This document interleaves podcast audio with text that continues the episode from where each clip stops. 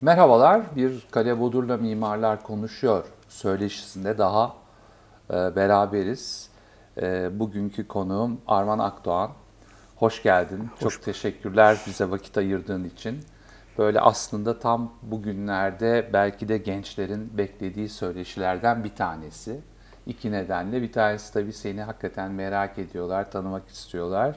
Ama onun ötesinde de bugün böyle pek çok kişinin hayalinde olan bir yol haritasını gerçekleştirmiş gibisin. En azından ben dışarıdan bakınca öyle, öyle görüyorum. Yani işte burada okuyup ondan sonra bir yurt dışı ayağı var, orada çalışmalar var, sonra bu tarafa e, tekrar gelme var ama hep böyle yurt dışı ile ilişkiyi e, sürekli kılmışsın ve benim de pek çok öğrencimin, genç mimarların falan hep böyle bir e, şeye kariyerlerine yurt dışı ayağı ekleme çabaları var. O hı hı. açıdan böyle sen biraz böyle bir rol model oluyorsun. O açıdan da iyi tam böyle mezuniyet zamanında iyi denk geldi bu söyleşi diye düşünüyorum. Evet. Ee, tekrar hoş geldin. Hoş bulduk. Ee, şey Mimar Sinan mezunusun. Evet. Ondan sonra bir Hollanda sonrasında yüksek Hı-hı. lisans şeyi var. Hı-hı. Değil mi benim bildiğim? Ee, ve e, orada bir e, şey sadece lis- yüksek lisans yapmıyorsun aslında. Biraz böyle mimarlıkla da önce ilişkilenmeye başlıyorsun. Sonra bir VES 8 meselesi var. Hı hı. Nedir o? VES 8 yani biz tabii 99'da e, Mimar Sinan Üniversitesi'nden mezun olduğum zaman biz de tabii her genç gibi hani ne yapacağız, ne edeceğiz? Türkiye'nin e, Türkiye'nin genel mimar dinamikleri kendimiz için yeterli mi? Başka mecralarda neler öğrenebiliriz diye e, başlamıştı benim Hollanda'daki Berlage Enstitüsü. E, bu Westate'de hemen ardından denk geldi. E, benim ter, tez hocam Bart Lotsma'nın tavsiyesiyle West 8, West 8 e, Hollandacası Adrian Geuze ile e, tanıştırdı. E, öyle başladı. E, o da Westate'de o, o dönemde e, Hollanda için çok önemli bir şehir planı ve peyzaj mimarlığı ofisi. Hmm. ve de peyzaj mimarlığını mimarlıkla birleştirdiği için veya kent planlamasıyla birleştirdiği için daha doğrusu e, çok fazla ofis yok öyle e, birbiriyle bütünleşen. iki projeyi birlikte götürmeye çalışan. Dolayısıyla önemli bir ofisti. Kenneth Frampton hatta bunu söyler. İki tek ofis hatta bu kadar iyi becerebilen kent planlamayla. E, peyzaj mimarlığı. Dolayısıyla benim için orada bir şans oldu. E, genel yani şehirsel ölçekte yaklaşımları mimarlıkla bütünleşti. Tabii ben mimarlık eğitimi daha çok. E, fakat orada bütün dallardan olduğu için bunu bir birleşimi olarak ilginç bir ortam te- teşkil ediyordu o, o dönemde. Zaten galiba oradaki senin tezin de öyle bir şey değil mi? Yani böyle bir işte kentsel ölçekte bu göçmenler, evet. kent e, oradaki belli bir ticari doku ilişkisi falan gibi bir şey. Evet, bunların yani şimdi herkesin Berlage'de bir tezi e, projesi oluyordu. O tez benim önerim o konuyla ilgiliydi. O da zaten oraya gittikten birkaç ay sonra ortaya çıktı. İlk 6 aydan sonra tezinizi veriyorsunuz ne yapmak istediğinizi. E, şimdi her 12 kişiden bir kişi Türk Rotterdam'da da. Ee, Amsterdam için de aynı şey benzer şeyler geçerli. Türkler dışında da ciddi bir yabancı nüfus var. Var evet e, doğru var. Yani o zaman gittiğim zaman 600 binin 300 bini yabancıydı. Yani hmm. 600 bin kişi Rotterdam, 300 bini yabancı. Dolayısıyla yabancılar ve onun getirdiği kimlikler şehir e, dokusunda bir yer oynuyor. Hatta onları yer değiştirmeye çalıştırıyorlar veya aynı aileler bir sokakta Türk ailesi buluşturmamaya çalışıyorlar vesaire. Birçok e, garip ön sezileriyle yani o, bürokratik ön sezileriyle hükümetin bir takım yönelimleri vardı. E, tabii buna karşı çıkan da başka tezler vardı. Benim Bart Lotzma özellikle bunu e, destekliyordu. E, yani neden Chinatown kuruluyorsa bir Turkish Town da kurulabilir. Bunların birlikteliği aslında güçlenmesi onları dağıtmaktan daha e, faydalı hale getirir e, yönünde birçok hani argüman tez üretildi. O bazen bu o belediyelerle falan paylaşılıyordu e, bu, şu, bu durum. Aslında ODTÜ'den bir grupla biz de Rotterdam'da öyle bir çalışma yaptık. E, Neriman, e, Şahin Güçan, Ali Cengiz Kan, ondan sonra e, şey Çağatay Keskinok falan bir multiculturality e, üzerine bir e, şeye katıldık. E, tartışmaya ve sunuma, panele katıldık. Hatta sonra onun bir yayını da çıktı. E, sonrasında da şöyle bir şey gündeme geldi. Acaba işte bir böyle oradaki e, göçmenler için bazı işte tasarımlar yapılabilir mi? E, onların yaşamını şey yapacak. Ya da böyle oradaki konutlarla onların kültürü arasındaki ilişkiyi değerlendirecek bazı çalışmalar yapılabilir falan. Öyle şeyle de başladık aslında. Sonra tabii şey olmadı bir şekilde e, çok yoğun gidip gelme imkanı olmadı ve e, somut bir projeye dönüşmedi ama tartışmalar yapıldı. E, orada da hatırlıyorum yani bu konu tabii e, çok önemli giderek de e, bütün dünya için geçerli bir Evet. merkezi konu haline geliyor. Çünkü kimse artık e, bir yerli değil. Doğru. Herkes yani Berlin'e bakıyorum öyle. İşte Amerika zaten başından beri öyle. E şimdi Türkiye'de e, bu Suriye meselesi vesaire e, bir, bir ciddi bir e, göçmen e, nüfus oluşmaya başladı. Bu insanların çoğu başka ülkelere de gidiyorlar falan. Bu böyle bir galiba kentleşmenin ve mimarlığın önündeki e, önemli e, şeylerden bir tanesi olarak gündeme gelecek. Bu seneki e, sen bu bienallerle de çok ilgili olduğun için e, söylüyorum. Aslında Venedik'in e, Venedik Bienalinde teması böyle bir şey. Yani bu birlikte yaşama meselesi üzerine. Ben o anlamda yani bunu da çok güncel ve çok doğru bir tema olarak bulmakla beraber e, bunun Biennale yansıma biçimini biraz kısa düşmüş e, gördüm. Çünkü aslında hani çok doğurgan ve çok böyle e, şey bir Geniş konu. bir konu, evet. Geniş bir konu. E, ne diyorsun bu konuda? Bu konuda bizim e, biz 2000 ben üç buçuk sene yaklaşık zannediyorum ofiste çalıştım. Hatta ilk projede e, bu Crosswalk bir orada da bir e, eski bir doku var. 1800'lerden kalan şehir dokusu var. Onun aynı tarla başındaki gibi be- belli ölçüde bir gentrifikasyonu aslında. Orada da çok Türk mahalleleri e, ailelerinde mevcut. E, yine tabii e, dokusu eskidiği için dönüşüme geçirmek istiyorlar. Aynı şeyler, benzer şeyler de orada yaşandı. Bir tek tabii orada biraz daha işte e, toplanıp e, haklı aylık konuşmalar vesaireler. Ama sonuçlarının hani çok da farklı olduğunu veya daha e, daha steril veya daha e, o sosyal ölçekte o insanların istekleri düşünülüp de ihtiyaçlarının karşılandığını düşünmüyorum. Sonuçta herkes başka bir yere taşındı. E, yani şehircilik zor bir e, şey. Çok E, evet ama söylediğin çok önemli. Yani mimarlıkla da çok bir arada ele alınması gereken Bir- bir konu ve maalesef hani biz genellikle bu işi böyle bir parsel ölçeğine sıkıştırarak indirerek yapıyoruz. e, E, yapıyoruz. Halbuki ben hep söyleyeyim Hollanda'da bile 1938 yılında şehir bölge planlama kurulan bir şey defte vesaire bir e, kurum yani çok yeni bizim 2000-3000 yıllık bir mimarlık geçmişimiz var. Her zaman kent ölçeğinde mimarlar düşünüyormuş. Bir birdenbire ayrıştırılıp yani 80-90 senede sadece parsel ölçeğini düşürmek çok yanlış bir şey. Ayrıca da parsel ölçeği düşündüğünüz zaman bizleri için ortak bir e, mecrada e, bir söylem üretme veya tartışma ortamı da gerçekleştirmiyor. Çünkü biraz daha kişi, kişiselleştirilmiş oluyor. E, yani biraz daha zevklerin ve şeyin tartışıldığı, hani mimari eğilimlerin tartışıldığı çok da çok çok uzun vadede bir faydası da olmuyor. Çünkü biz hep böyle yetiştirildik yani mimari ölçekte. evet. Niye döndün?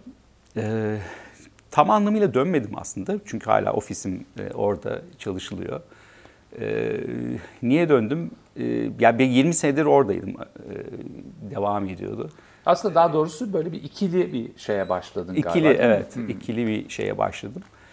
Hatta belki üçlü bir İspanya, İspanya'da değil mi oraya? Ya şöyle yani birçok şeyi var aslında. 2000 biz 6'da kurduk ofisi. İsmi de International Design IND'ydi. E, IND de ilk göçmenseniz eğer başvurduğunuz kurum IND. İmigrasyon Naturalizasyon Dienst. Yani göçmen doğallaştırma servisi. Yani doğallaştırma naturalizasyon o zaman dönemde benim çok hani terim olarak ilgimi çekiyor. Niye doğallaştırma vesaire. E, dolayısıyla şirket ismi acil kurmamız gerekiyordu. İşte Ceuta'da bir yarışma kazanmıştık İspanya'da. E, ofis acil kurulması gerekiyor, bir isim bulmamız gerekiyor. IND'yi ne yaparız diye onu International Design'a çeviririz. Ben, Hala kullanıyorsunuz. E, kullanıyoruz o ismi. Hı. Ama e, bilmiyorum bu globalleşmenin altın çağıydı belki gittiğimiz zaman. O zaman internationalization bir e, bir keşfedilmesi gereken bir e, söylemdi belki. E, biz de onun içindeydik o dönem içerisinde. Ama belki 2020'lere gelindiği zaman o, onun biraz daha değiştiğini düşünüyorum. E, artık o eski hükmünün e, kalmadığı, e, fazla international olduğumuz zaman da bazı şeyleri es geçtiğimizi düşünüyorum. Yani o, o çerçevede aslında bu değişimden de dolayı biraz daha yani kendi e, büyüdüğüm ülkede çalışmak biraz daha bana şey geliyor. Hmm. Daha yapıcı geliyor.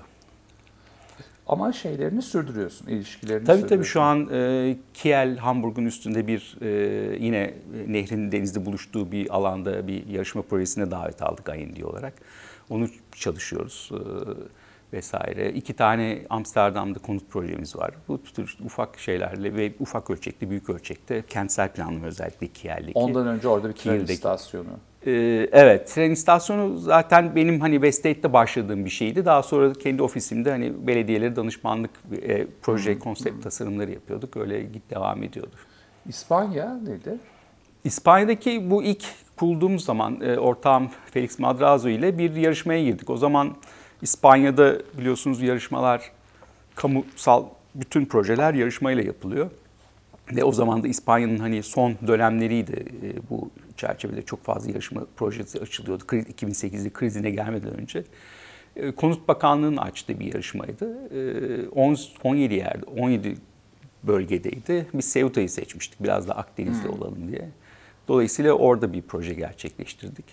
Orada da biraz da Akdeniz şeyleri vardı zaten hani dokulaşması önerdiğimiz projede de.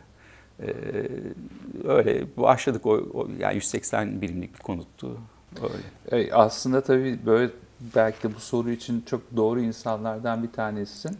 Peki ya ortamları karşılaştırırsan yani proje e, elde etme süreçlerinden inşaat süreçlerine varana kadar çünkü senin Türkiye deneyimin de var. İşte farklı yerlerde de farklı ölçeklerde deneyimin var. Ne görüyorsun? Biz biz nerede duruyoruz veya farklar, süreklilikler nedir? Ya aslında üç, belki, belki de orada üç tane e, bölge var konuşulması gereken. Ya bir tanesi Avrupa Birliği'nin genel kuralları çerçevesinde ne oluyor birlik olarak?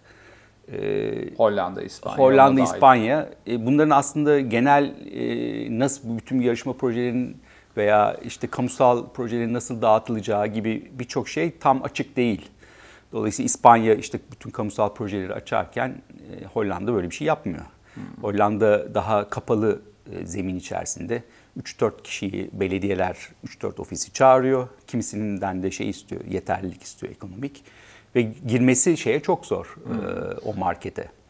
Ee, e, ama bir İspanyol içinde girebiliyor. Yani hmm. ama zaten giremiyor. Doğal bir bariyer var e, kendi aralarında. E, ama İspanyol eğer İspanya'da bir yarışma projesi açılacaksa bir Hollandalı girebilir. Bu çok büyük bir sorun yani çünkü her yerde açacaksınız ya da hiç açmayacaksınız. E, ama Hollanda'nın da daha orada biraz daha avan proje ve kesin proje ölçeğinde ilerleniyor. Yani ondan sonrasında daha çok teknik ekipler projelendiriyor. Dolayısıyla belli bir... E, teknik ekipler derken aynı ofisin içindeki teknik ekipler mi yoksa dışarıdan? Dışarıdan da olabiliyor. Mesela hmm. başka proje, mesela Arkadis gibi şeyler, ekipler var. Onlar teknik özelliklerini sizden mimardan alıyorlar.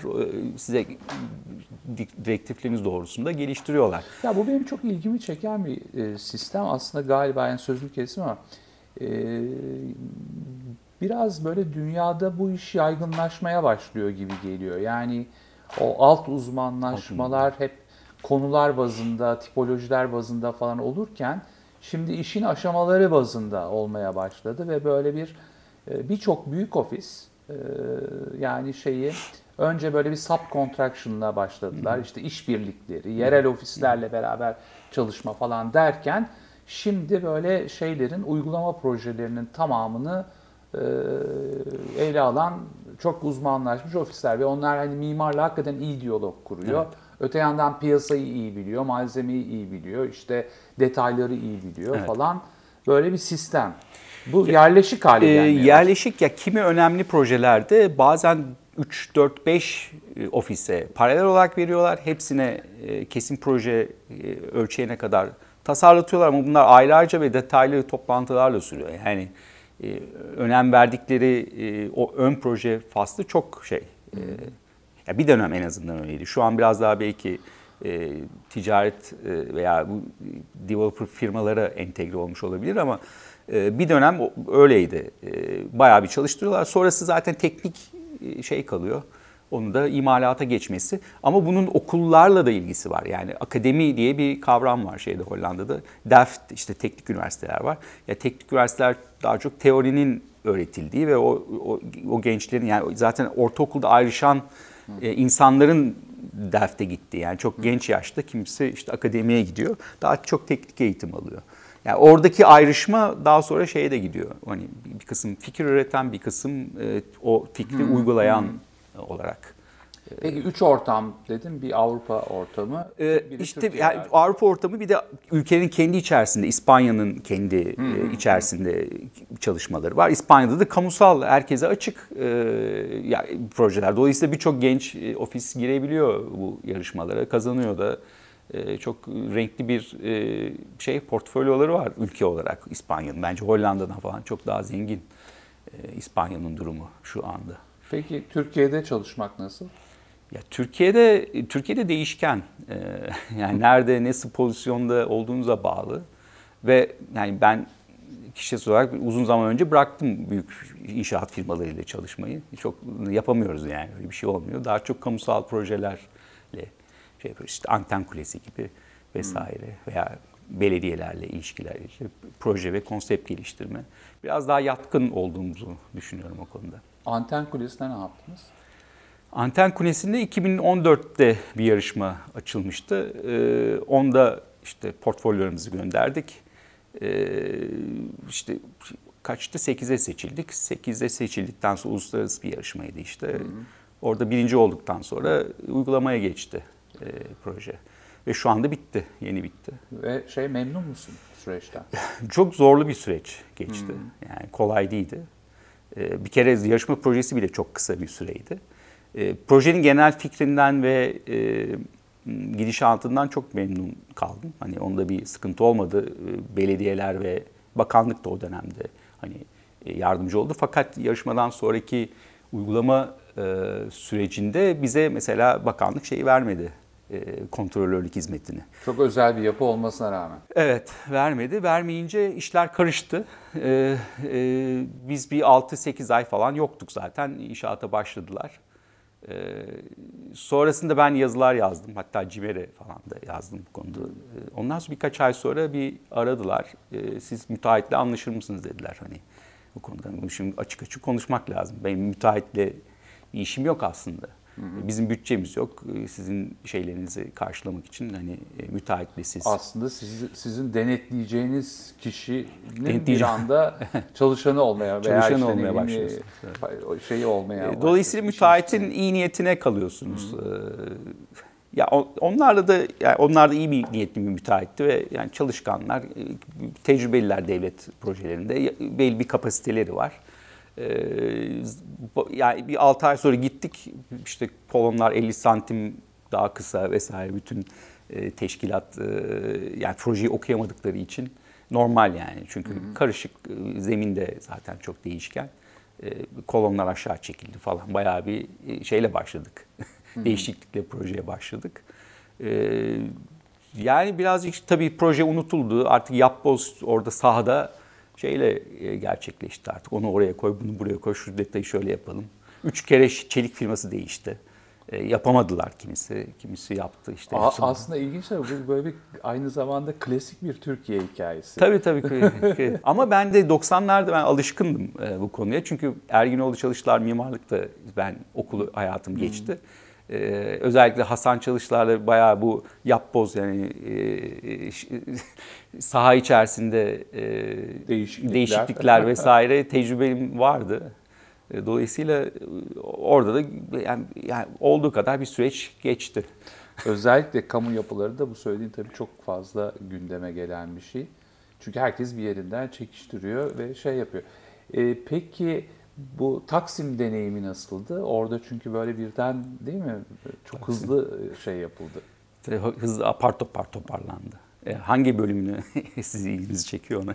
ya şimdi bir kere ben onu e, yani hem mimari olarak çok ilginç buluyorum. Çok başarılı da buluyorum. E, çünkü böyle bir enstelasyonla yapı arasında duran bir e, şeyi var. İkincisi bir yani sosyal ve kültürel bir proje olarak da sürdürülebilir proje olarak da çok ilginç buluyorum ama galiba sürdürülebilir değil şu anda değil mi? Ya şu, şu anda bir yerde toparlandı bekliyor. Bu pandemi birazcık hmm. etkiledi. Ee, ama yani süreç başlangıcı aslında çok iyi niyetli bir başlangıçtı. Hani hmm. İstanbul Büyükşehir Belediyesi meydanlar için e, birçok projeyi yap, gerçekleştirmek istiyor dönüşüm için. Hmm. Taksim Meydanı bunun merkezi, diğer işte Bakırköy, Kadıköy vesaire. Yeni Kapı e, meydanları gibi e, bu, bu yarışmaların sonuçlarını da orada birer birer değerlendirecek böyle bir pavilyon içerisinde sergileriyle birlikte. İnsanlar oy verecek vesaire. Öyle bir başlangıçla başladı. Ee, tabii konumu birazcık herhalde politik olarak e, problemliydi. Evet yani bir de öyle bir döneme de denk geldi herhalde. Öyle bir döneme denk geldi. Ee, şey tabii biz yani bu daveti aldığımızda e, yani ilk gittim hani gezdik orada bir tane devasa bir çadır var Cumhurbaşkanlığı çadırı var. Hmm. Ee, bir dönem yerleştirilmiş orada sergiler bitmiş. E, burada bir hani sergi salonu olabilecekse yanında da neden olmasın? E, çünkü beton zemin zaten boş bir alan. E, geçici bir yapılaşma. Geçici olarak. bir yapılaşma olabilir. Geçici hmm. bir strüktür zaten. E, bir sorun gözükmüyordu. Zaten uyum sağladı da aslında hmm. oraya o, o dönem içerisinde. Fakat tabii e, bu siyasi ve politik bir takım şeyler var. Hani istenmedi. Apar topar daha inşaata başlanırken yazı geldi hani Anıtlar Kurulu'ndan bunu kaldırmışsınız diye. Dolayısıyla o yazıda 15 gün diyordu. 15 gün içerisinde hemen bir haftasında inşa edildi, bir haftasında kullanıma açıldı. bir hafta. Bunlar da Türkiye hikayeleri e, Türkiye aslında hikayeleri. yani doğru. Komik yani.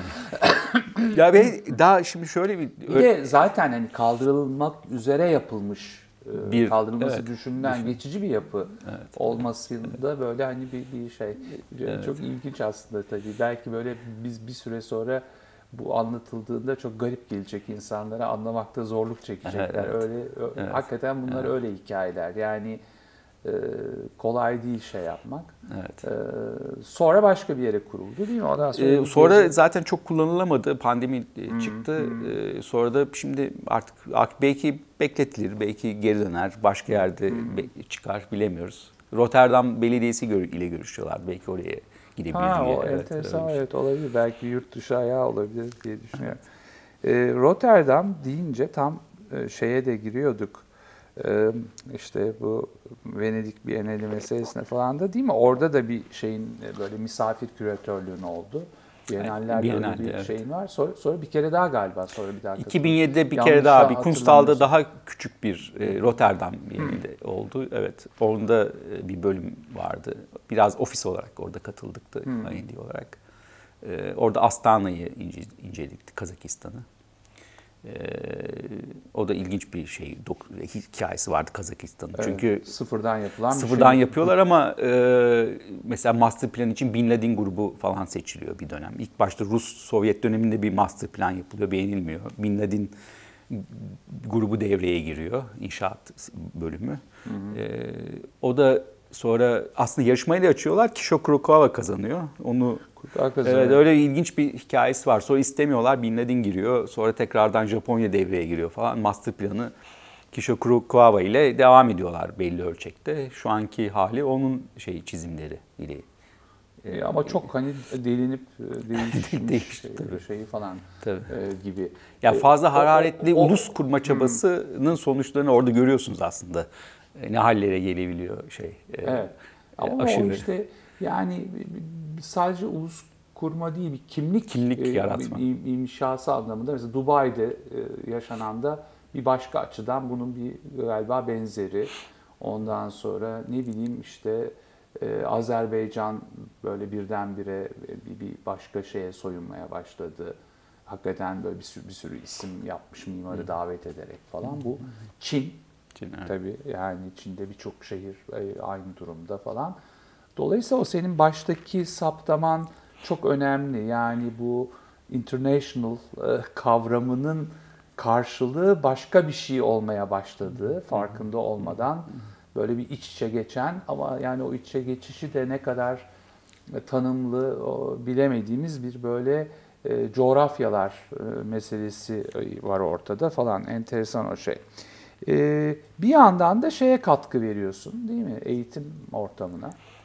Evet, şey yapmaya çalışıyoruz, katılımcı olmaya çalışıyoruz e, eğitim, akademide olsun. E, Yani zaten Türkiye'de işte dün, dün, dün tekrar konuşuyorduk. Ee, büyük ölçüde e, üniversiteler yani bu kadro sıkıntısı nedeniyle e, part-time destek veren e, işte ve çoğu da gönüllü olarak bunu yapan e, kişilerin desteğiyle ayakta duruyor. Evet. Bu çok önemli. Katkılar da çok önemli. Nasıl görüyorsun şu anda yeni gelen nesli?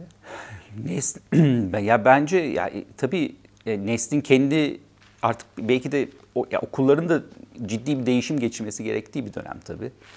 Ama bence Türkiye'yi şu an en çok mimari ortamı etkileyen okulların çok olması. Ee, yani o bir önemli bir değişim geçirtiyor Türkiye için. Hiçbir ülkede böyle bir şey yokken bu aşırı e, mimar üretimi yani e, ciddi derecede piyasadaki e, raiçleri düşürmekten tutun kaliteyi de düşürüyor tabii. Bu önemli bir problem. Dolayısıyla nasıl artık bence bundan sonraki dönem nasıl artık e, daha sıkılaştırılabilir, daha iyi eğitim e, merkezileştirilir ve bunlar aynı standarda nasıl ulaştırılır onları düşünmek lazım e, eğitimde. Ve bu okulların arasındaki tabii iletişim ve şey e, Galiba bu standart sorunu çok önemli bir sorun. Ee, Uzun sürede gündemde kalacak. Yani okullar arasında büyük farklılıklar oluşmaya başlıyor. İmkanlar, eğitim kadrosu, anlayışlar vesaire bazında. Ee, peki şeyi e, yani bu e, yurt dışı ile Ee, yurt dışında ya mesela Hollanda'yı karşılaştırırsanız 2008 krizi oluyor. Mimar işte %70 bir dönem mimarlar işsiz de orada birdenbire. Çok Ve evet, Bazı öyle sektörler oldu. oldu. Çok, evet. E hemen okuldaki şeyleri düşürdüler kontenjanları vesaireyi. Hmm. E, genel ülke stratejisi bile yani mimarlığı artık çok fazla desteklemeyip daha çok özel sektöre yöneltmek şeklinde de oldu. Bence bazı şeyler yanlış ilerlemeye de başladı orada. Ee, Hollanda'da artık zaten şey yok. Bütün e, bütün alanlarda, büyük alanlarda büyük e, yatırımcı firmalara dağıtılmış vaziyette. Şey hiçbir alan yok yani. Eğer siz hani 10 dönüm, 20 dönüm alacak yer bulamazsınız. Ee, ve bunların artık şeyin altında. Ee, dolayısıyla fazla şeye verdiler. Özel sektöre e, şeyleri kaptırdılar e, kendi kontrollerini. Burada da benzer şeyler tabii başka şekilde oluyor. Bizde toprak çok ama e, belli ölçüde biz de kendi mesleğimizi kaptırdık e, onlara. Bir de bizde tabii planlama e, o toprak çokluğuyla e, şey e, e, eş zamanlı e, hareket etmediği için hep böyle bir e, yapıları takip eden bir plan anlayış var. Önce yapıyoruz sonra Sonra. planlamaya çalışıyoruz. O tabii çok şey. Ki biraz ben şey de öyle görüyorum yani Türkiye'deki abartılı arsa fiyatları vesaire e, bunlar hep tabii şeyden kaynaklanıyor. Yani imarlı arsanın e, olmaması, kent merkezi, altyapının olmaması, merkezlerde inanılmaz yoğunluklarla şeyler falan. Belki bilmiyorum bu pandemiden sonra bir şeyler değişecek. Sence nasıl etkiledi pandemi? Bir- Yani Va- bir- var mı bir pandemi sor, öncesi sonrası, Sonrası- diye bir, bir bir şey hissediyor musun? Ya bir, bir, bir çalışma tabii ki de belli ki belli bir çalışma şeklimizde belli ölçüde değişiklikler olabilir ama ya bizim herhalde meslek sosyal bir meslek. Hani tekrardan eğer masa başına geri dönemiyorsanız hep beraber konuşamıyorsunuz çok zor ilerlettiğimiz bir meslek. Ee, ya bir de belki yani hani urban sprawl dediğimiz bir şeyi tetikleyebilir. Ee, biliyorsunuz siz de bu hani herkes şu an Bodrum'a göç etti veya işte Evet. güne güneye göç etti. Oradan çalışmaya çalışıyor. İstanbul'daki işlerini oradan yürütmeye çalışıyor. Dolayısıyla bu bu belki hani e, yani Türkiye için çok iyi bir şey değil aslında biz hani konsantre olarak ben biraz daha şehirleri savunan bir insanım. Daha kompakt şehirler ve dinamizm sizi kreativiteyi de arttırır. Dolayısıyla çok şey değil e, e, başarılı olmayabilir hani gele, uzun vadede bu şey. Ama yani Türkiye'deki sorun galiba biraz o kompaktlığın ötesinde e, dengesiz bir e, yoğunlaşma var. Hem işlevler bazında hem nüfus bazında hem fiziksel ortam. Yani ben hep bir sürü yerde söylüyorum böyle sürekli dinleyenler bilir. Yani İstanbul bütün enerjisini emiyor Türkiye'nin. Yani ne ararsan İstanbul'da. E, Dolayısıyla belki senin söylediğin bu geri dağılma e, bu açıdan bir, bir şans da olabilir. Yani bazı şeyleri merkez dışına çekerek e, yeni çekim odakları O- yaratmak. Ona katılıyorum. Yani benim sadece eleştirim hani e, o hani villalara dağılma anlamında e, ki şey. Herkes kendisine özel bir alan üretecek. Villalara dağıtılacak hani o sosyal ya onun dışında tabii ki de zaten hani belki beyaz yakalı veya ben her zaman bunu da iddia ediyorum eğer biz teknokent kuracaksak hani gidip belki de havalimanının Sabiha Gökçen'in yanında olduğu gibi bir alanı kurmayalım. Belki de gidip Marmaris, Bodrum gibi bir alana kuralım. Orada daha hem gençleri çekebilirsiniz. Hatta belki doğuya. Doğu yaza o da olabilir ama buradaki tabii e, doğudaki biraz daha e, şey karşı, karşılığı yok. Hani o insanların beklentileri, çalışmaya gelen insanların beklentilerini karşılamak açısından söylüyorum. E, hani IT işte yurt dışından da insan getireceksiniz. Hani denizle ilişkisi vesairesi olsun açısından daha e, daha düşünülebilir alternatifler üretilebilir. Doğrusu olduğunu bilmiyorum şu an ama bu tip alternatifler de değerlendirilmeliydi. E, Hiç onlar şeye gelmedi. Biz belli yerlere e, teknokentler kurduk değil mi? Evet. Ya e, doğru. Karmaşık bir konu çok şey değil. çok tabii yani bir, bir böyle bir dönem bir şey çok popüler hale geliyor. Onu yapmazsan olmaz gibi oluyor. Teşvikler oluyor, başka şeyler oluyor falan. Çok hızlı gelişiyor. Sonra bir kısmı yok oluyor falan. Böyle bir hakikaten enteresan bir hikaye var. Ya demin aslında biraz değindik ama onu atlamışım. Ee, senin görüşünü merak ediyorum. Çünkü senin aynı zamanda e, hem TESCO'nun hem çok ilgilendiğin bir konu. Bu Rotterdam'da, Hollanda'da yaşanan benzeri şu anda İstanbul'da yaşanıyor. Mesela işte başta Suriyeliler olmak üzere büyük bir e, göçmen veyahut işte ne bileyim e, şey e, geçici kalıcı e, şey bir nüfus var ve bunlar da kentin belli bölgelerinde e, ağırlık, yoğunluk kazanıyorlar. E, yani zannediyorum işte e, tarihi Yar- yarımadanın bir bölümünde ondan sonra başka semtlerde falan şeyleri var. Yani bu senin e, tezinde baktığın açıdan işte bu ticari dokunun dönüşümüyle e, şey arasındaki ilişki orada gözlediğin burada nasıl gözlüyorsun? Ee, ya buradaki açıkçası ben burasıyla ilgili bir araştırma yapmadım ama tabii gözlemliyoruz gözlem belli. olarak soruyorum. Tabii. Ama yani araştırmalar bu- da var bu arada. Yani tabii tabii var. Bir, akademik Tabii, şey tabii. haline geldi. Ee, Ee, var. ilgi Ama alanı haline yani geldi. orayla ya tabii karşılaştırırsak yine veya ondan ötesinde yani benim gözlemim bu gruplar ister istemez birlikte güçlüler. Şimdi bunları ayrıştırmak onları pasifize ettirme anlamına geliyor ve gelirleri de düşüyor ayrıştırdığınız zaman. Güvenlikleri, güvenlikleri, sosyal, sosyal, evet. şeyleri, kültürel etkinlikleri Şimdi var. Hollanda'da olsaydı tabii onları ayrıştırma eğilimine giderlerdi her ölçekte. Ee, ama Türkiye'de zaten biraz daha artık başka konularla ilgilendiğimiz için öyle bir şey yapıyorlar. Doğal olarak kendileri öbekleniyorlar. E, dolayısıyla aslında onları da e, besleyip güçlendirmek lazım. En doğrusu eğer engelleyemiyorsanız bir şeyi, yani gerek de yok zaten. E, besleyip daha da e, nasıl hani topluma katkı sağlarlar vesaire onun üzerinde çalışmalar yapılması gerekiyor. Ya onlar için kültür merkezleri vesaire. Hatta bu Taksim yarışmasında da bahsi geçti. Hani benim önüne neden Suriyeli bir aslında bir mimar da yok hani jüride veya o söz söylemiyor. Hani sadece biz İstanbullulara artık düşmüyor. Onlar da e, maalesef veya bu e, kendi ülkelerinden ayrılmak zorunda kaldıkları için onlar da bir söz sahibi artık Taksim'de. Bizden çok belki gelecekti. Yani, Yani İstanbul dışında da böyle yoğun e, varlık gösterdikleri şehirler var ve dolayısıyla tabii aslında e, ilginç yani bu, bu böyle bütün dünyada böyle bir yaşanan bir hareketin de e, parçası yani her yerde Avrupa'da çok önceden bir şey yapıldı işte e, biz gittik. yani, Almanya'da evet. şeyde böyle işte. Ama Türkiye ilk defa o Almancıyı Türkiye'de kendi topraklarında yaşadı. deneyimlemeye başladı, başladı ve onun bir takım şeyleri var. Çünkü gittiğin zaman işte Berlin'de Kreuzberg neredeyse Türk mahallesi tabelalardan geçersin falan. Böyle oraya gidip böyle bundan heyecan duyan insanlar kendi ülkesinde bunu gördüğünde zaman zaman e, işte rahatsız oluyor veya aynı heyecanı duymamaya başlıyor falan. O da o da o da ilginç tabii ama bu bu böyle bir bir çok boyutlu herhalde uluslararası ortamda bakılması gereken bir şey. Ben şey anlamında sordum. Yani mekana etkisi niye böyle birebir gözlüyor musun? E, yani gözlüyorsunuz tabii. Tabileler. İşte oluyor bu oluyor. Belki bazı dükkanların cinsleri falan değişiyor.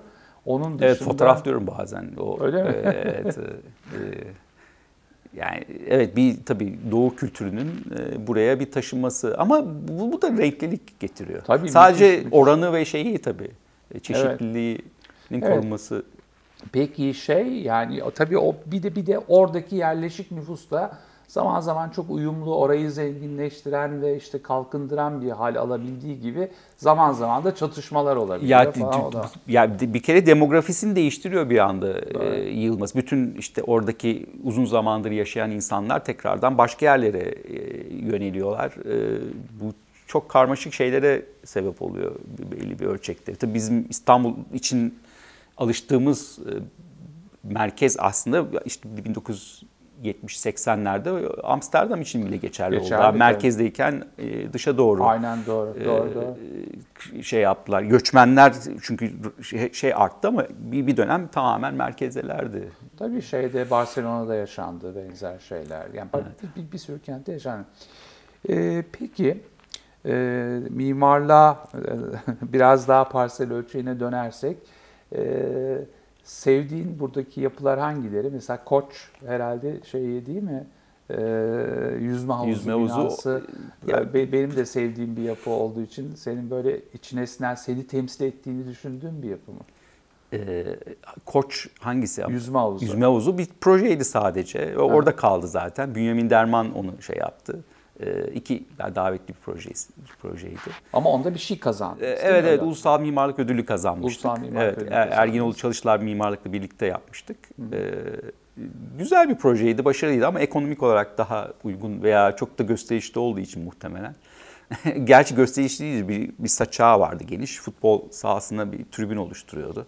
Önünde de açık bir alan vardı. Öyle bir konseptti. Böyle kaldı o da. Peki projelerden seni temsil ettiğini düşündün. Gene mesela kalan projelerden Milli Eğitim Bakanlığı'nın bir şeyi var evet, değil mi?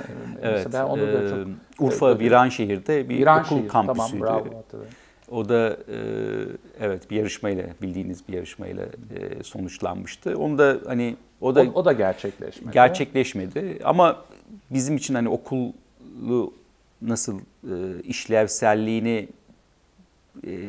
Türkiye'nin 21. yüzyılda nasıl çalışacağını örnek bir teşkil ediyordu. Avlular, dışa açılma e, gibi önemli bir deneyimdi bizim için ne olabilir diye. Öyle bir sıcak iklimde de tabii.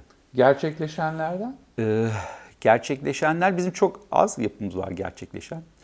Ee, anten kulesi yine aslında hani mimari ölçekte hani beklentimizin doğrultusunda gerçekleşen bir şeydi, projeydi. Galiba en şeyi o. Hmm. Ee, Tabii kavuşma durağı biraz farklı gerçekleşti. Hani o, o da e, ilginçti. Biz bazen işte mesela Kiel'de olduğu gibi planlama ölçeğinde çalıştığımız için bunlar çoğu hmm. araştırma hmm. ve şey niteliğinde de kalabiliyor. E, belli ölçekte kalabiliyor. Ama bu temsiliyet açısından mesela ya bak şu beni çok temsil ediyor dediğin bir şey var mı? Yani proje aşamasında veya uygulama çok önemli. Yani kavuşma durağı tes, te, temsil ediyor. Çünkü hani bu e, bir, bir bir konsept üzerinde daha evvel de çalışmış oluyorsunuz. Hmm, hmm. E, mesela bunun bir benzerini Korçe'de, Arnavutluk'ta yaptım. Ufak bir e, pavilyon, Twister pavilyonu. Hmm. Yani ortada insanlar karşılıklı çok yakın mesafede birbirlerine bakıyorlar. Ortada oyun oynuyorlar. Hmm, o Twister yerdeki hmm. e, noktalara değmeye çalışıyorlar. E, değmeden, e, düşmeden e, bir oyun. E, ya insan yani bir anda kent mobilyası olabiliyor ve insanlarda interaksiyon gerçekleşiyor, iletişim kurulabiliyor. Şimdi burada birdenbire büyük ölçekte onu onu onu daha evvelken başka bir projede denemiştim hani forms olarak vesaire. E, burada bir anda başka bir kavuşma durağında başka bir forma dönüştü. E, e, bir de hani bu ayrışan dünyadaki iletişim sorunlarını ifade ettiği için yani aslında bir altında bir politik bir şeyi de var, söylemi var. Evet. evet. Dolayısıyla bizim bence en uyan o, o projeler. Ee, şey peki e, nereye gidiyor sence mimarlık? Biraz o pandemi sonrasını aslında ben ona hazırlık gibi sormuştum. Hmm. Çünkü hakikaten bu bütün konuştuğumuz değişimler, dönüşümler falan galiba önümüze biraz daha bu işle ilgili yeni bir şey perspektif koyuyor gibi görünüyor. Yani iş yapma biçimlerinden tut da evet. tipolojilere varana kadar. Bilmiyorum. Aynı soruyu bazen hani ben de düşünüyorum. Ama bu çok daha henüz tanımlayamadığımız bir döneme belki meyilleniyor. Çünkü bu kadar her şeyin ortada olduğu, herkesin bir söz söylediği, herkesin bir şey yayınladığı bir ortamda eğer 20 senesine 30 sene öncesine bakarsanız o zaman daha bir bütünlük vardı. Yani her şey daha kolay konuşulabiliyordu veya temel temalar vardı. Şimdi temalar çok fazla dağıldı ve o dağılmadan başka şeyler e, menfaat. Türemeye başladı. Yani ama menfaat olan da daha iyi ilerliyor. Hani eğer siz e, politik ölçekte de. Hani herkes biraz kaotik bir e, birbiriyle bulaşıp buluşup iletişimini kuramama halinde. Yani Türkiye için söylersem işte Serbest Mimarlar Derneği e, belki de e, mimar dolayısıyla daha çok iletişim kurmalı. Üniversiteler vesaire bir konu üzerinde tartışamıyoruz artık. E, öyle bir şeye gidiyor ve bu belli bir dönemden sonra belki bertaraf edilebilir ama biraz daha zamanı var. Ya evet söyledin o iletişim meselesi çok önemli. Hatta şeyden programdan önce konuşuyorduk sohbet ederken e, sen de altını çizdin. İşte ben de son dönemde bu e, mimarlığın e, konuşulma, değerlendirilme, eleştirilme biçimleri üzerine e, içeriğin yanı sıra o biçimin içerik üzerindeki etkisi üzerine e, epi e, kafa yoruyorum ve çalışıyorum. İşte seçmeli dersimde öğrencilerimle bu sene ilk defa e, sosyal medyada ve medyada diyeyim genel olarak mimarlığın var olma biçimleri üzerine bir takım araştırmalar yaptık falan. E, Batu'yla yaptığımız program biraz onun üzerineydi ve e, sonuçta hakikaten e, o yani e, tematik çeşitlenme, e, ilgi alanlarının, kişilerin onun böyle bir e, çok farklı zeminlerde, farklı değerlerle bir şeyin ortaya gelmesi falan e, ilginç bir hal almaya başladı. E, dolayısıyla e, bu bunun ya işte bir bir hakikaten bir yandan böyle bir doğurganlık yanı var ama öte yandan da bir yarattığı bir kaotik belirsizlik var. Onun için onu sordum. E, o, o da çok ilginç tabii. E, peki e, şeylere tavsiyen ne? Gençlere gitsinler mi yurt Sen e, bu deneyimi yaşadıktan sonra ya çok kişi aslında bunu tabii şey istiyor. Yani bir şey anlamda. E, yani bazen buradaki ekonomik krizden kaçış evet. anlamında, bazen işte yeni bir deneyim, yeni bir şey göreyim anlamında. İşte orada bir şey bulduğu için zaman zaman akademik bir e, işte kariyeri sürdürme anlamında falan.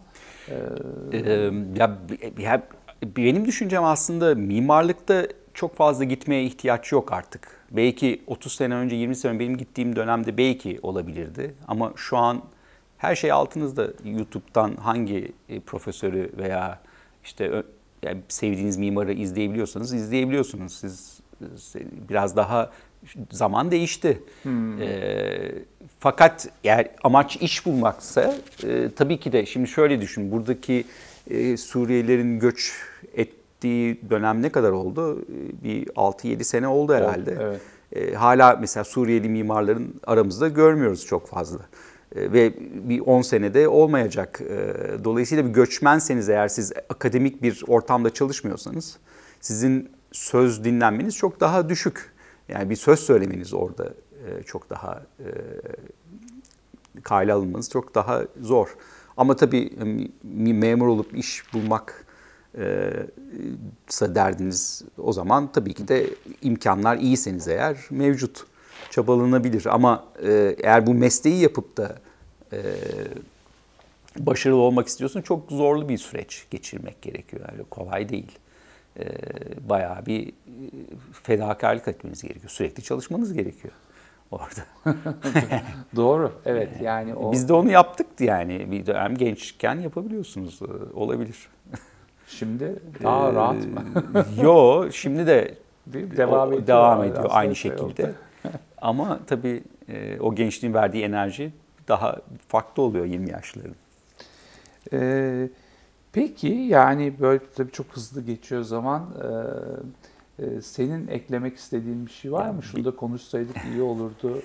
Ee, şey diye. ya benim ekmek istediğim yani buradaki potansiyeller e, eğer mimarlar bir araya gelirse çok daha fazla. E, çünkü imkanlar bizim daha geniş. E, hala yapılaşacak alanlarımız var. E, düşünecek, üzerine söz söylenecek e, Çok projeler fazla sorun var. Çok fazla sorun var. E, bunları yurt dışında bulamazsınız genç mimar. Yani onun için e, onun yerine örgütlenip ne nasıl burayı değiştireceğimizi düşünmek zaten e, birbirimizi geliştirecektir. Bir de e, yani şimdi Batı Avrupa'da e, Amerika ile olsun bir ilişkisi var. Kuzey Avrupa, Güney Avrupa hepsi bu mimarlık ölçeğinde bir belli bir diskur tartışırlar. Birbirlerini giderler, gelirler vesaire. Ya onun yerine bunu entegre etmek e, Türkiye'ye daha e, kolay e, oraya göç edip de şey yapmaktansa Evet. tamamen tamam yok olmaktansa buraya getirip bi- bizim ülkemizi veya onların ülkelerindeki olan gelişmeleri tartışmak çok değerli. Bunu yapabilmek bence.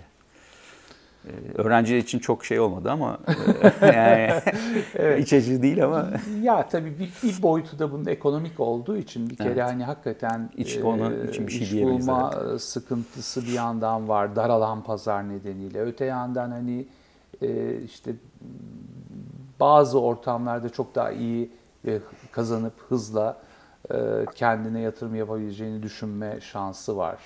İşte ayrıcalıklı çalışma var. Dediğim gibi bir ucu akademi. Dolayısıyla bütün bunlar tabii e, şeyi gündemde tutuyor. Bu yurt dışı seçeneğini gündemde tutuyor. Ama senin söylediğin gibi tabii şeyde sınırlar da çok belirsizleşiyor öte yandan. Çok teşekkür ediyorum Ben vakit teşekkür ayırdığın ederim. için. Çok keyifli bir söyleşiydi.